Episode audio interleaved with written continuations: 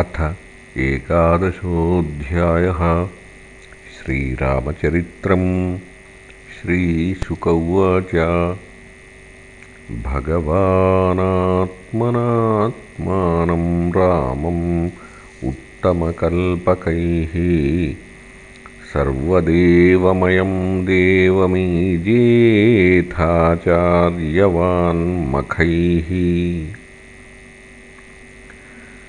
होत्रे ददाद्दिशं प्राचीं ब्रह्मणे दक्षिणां प्रभुः।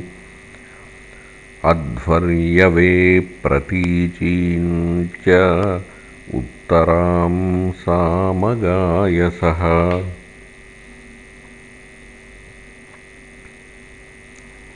आचार्याय ददौ शेषां यावती भूस् तदनन्तरा मन्यमान इदं कृत्स्नं ब्राह्मणोऽर्हति निःस्पृहः। इत्ययं तदलङ्कारवासोऽभ्यामवशेषितः तथा राज्ञ्यपि वैदेही सौमङ्गल्यावशेषिता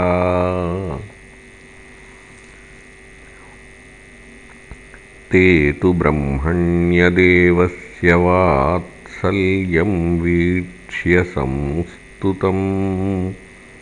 प्रीताः क्लिन्नधियस्तस्मै प्रत्यर्प्येदं बभाषिरे।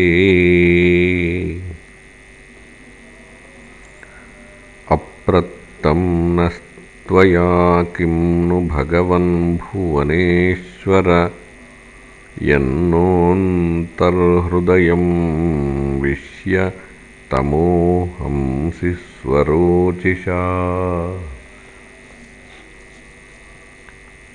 नमो ब्रह्मण्यदेवाय रामायाकुण्ठमेधसे उत्तमश्लोकधुर्याय न्यस्तदण्डार् पिताङ्घ्रये कदाचिल्लोकजिज्ञासुर्गूढो रात्र्यामलक्षितः। चरन्वाचो शृणोद्रामो भार्यामुद्दिश्य कस्यचित्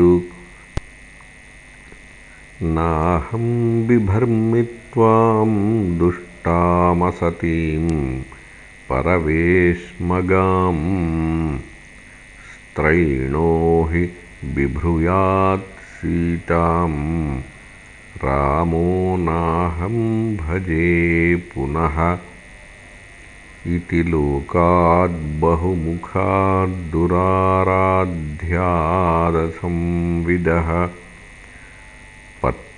भीतेन सा त्यक्ता प्राप्ता प्राचेतसाश्रमम्। अन्तर्वत्न्यागते काले यमौ सा सुषुवे सुतौ कुशोलवैतिख्यातौ तयोश्चक्रे क्रियामुनिः अङ्गदश्चित्रकेतुश्च लक्ष्मणस्यात्मजौ स्मृतौ तक्षः पुष्कल इत्यास्तां भरतस्य महीपते। सुबाहुः श्रुतसेनश्च शत्रुघ्नः बभूवतुः गन्धर्वान् कोटिशो जघ्ने भरतो विजये दिशाम्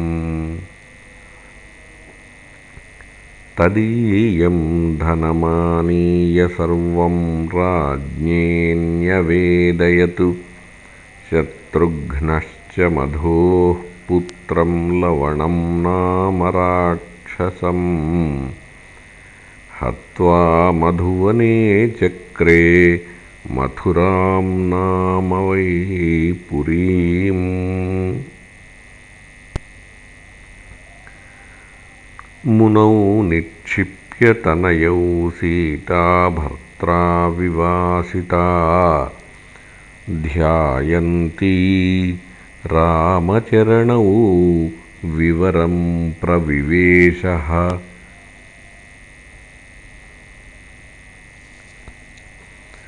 तत्श्रुत्वा भगवान् रामो रुन्धन्नपि धिया शुचः स्मरंस्तस्या गुणांस्तांस्तान् नाशक्नोद्रोद्धुमीश्वरः स्त्रीपुंप्रसङ्ग एतादृक् सर्वत्र त्रासमावहः अपीश्वराणां किमुतग्राम्यस्य गृहचेतसः। तत ऊर्ध्वं ब्रह्मचर्यं धारयन्नजुहोत्प्रभुः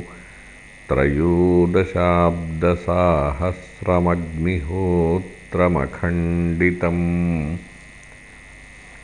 स्मरतां हृदि विन्यस्य विद्धं दण्डककण्टकैः। स्वपादपल्लवं राम आत्मज्योतिरगात्ततः। नेदं यशो रघुपतेः सुरयाच्ययात्तलीलातनोरधिकसाम्यविमुक्तधाम्नः रक्षोवधो जलधिबन्धनमस्त्रपूगैः किं तस्य शत्रुहननेकपयः सहायाः? यस्यामलं नृपसदस्सु यशोऽधुनापि गायन्त्यघघ्नमृषयो दिगिभेन्द्रपट्टम् तं नाकपालवसुपालकिरीटजुष्टपादाम्बुजम्। रघुपतिं शरणं प्रपद्ये। स यैः स्पृष्टोऽभिदृष्टो वा संविष्टोऽनुगतोऽपि वा कोसलास्ते ययुः स्थानं यत्र गच्छन्ति योगिनः पुरुषो रामचरितम् श्रवणैरुपधारयन् आनुशंस्यपरो कर्मबन्धैर्विमुच्यते राजोवाच कथं स भगवान् रामो भ्रातॄन् वा स्वयमात्मनः? तस्मिन् वातेऽन्ववर्तन्तप्रजाः पौराश्च ईश्वरे।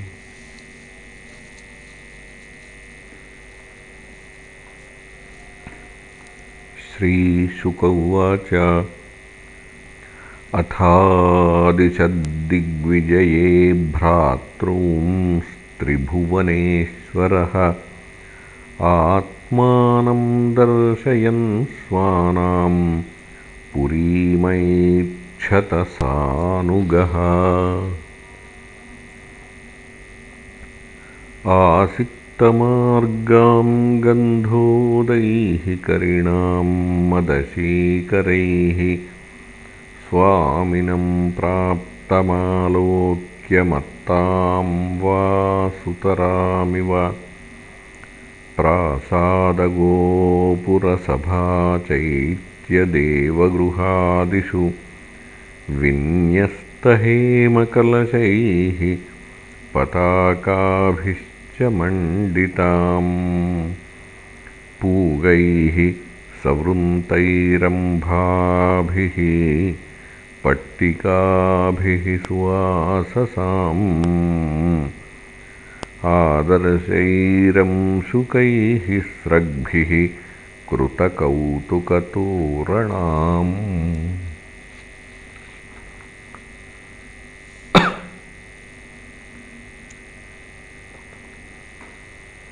तमुपेयुस्तत्र तत्र पौरा अर्हणपाणयः आशिषो युयुजुर्देव पाहि मां प्राक्त्वयोद्धृताम्।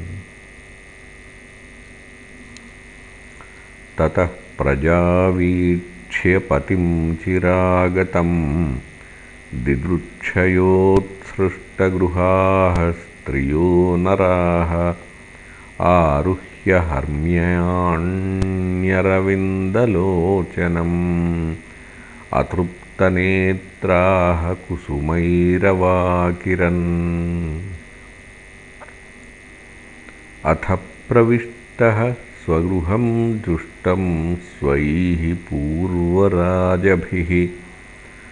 अनन्ताखिलकोशाढ्यमनर्घ्योरुपरिच्छदम् विद्रुमोदुम्बरद्वारैर्वैदूर्यस्तम्भपङ्क्तिभिः स्थलैर्मारकतैः स्वच्छैर्भ्राजत् स्फटिकभित्तिभिः चित्रस्रग्भिः पट्टिकाभिर्वासो मणिगणांशुकैः मुक्ताफलैश्चिदुल्लासैः कान्तकामोपपत्तिभिः धूपदीपैः सुरभिभिर्मण्डितं पुष्पमण्डनैः स्त्रीपुंभिः सुरसङ्काशैर्जुष्टं भूषणभूषणैः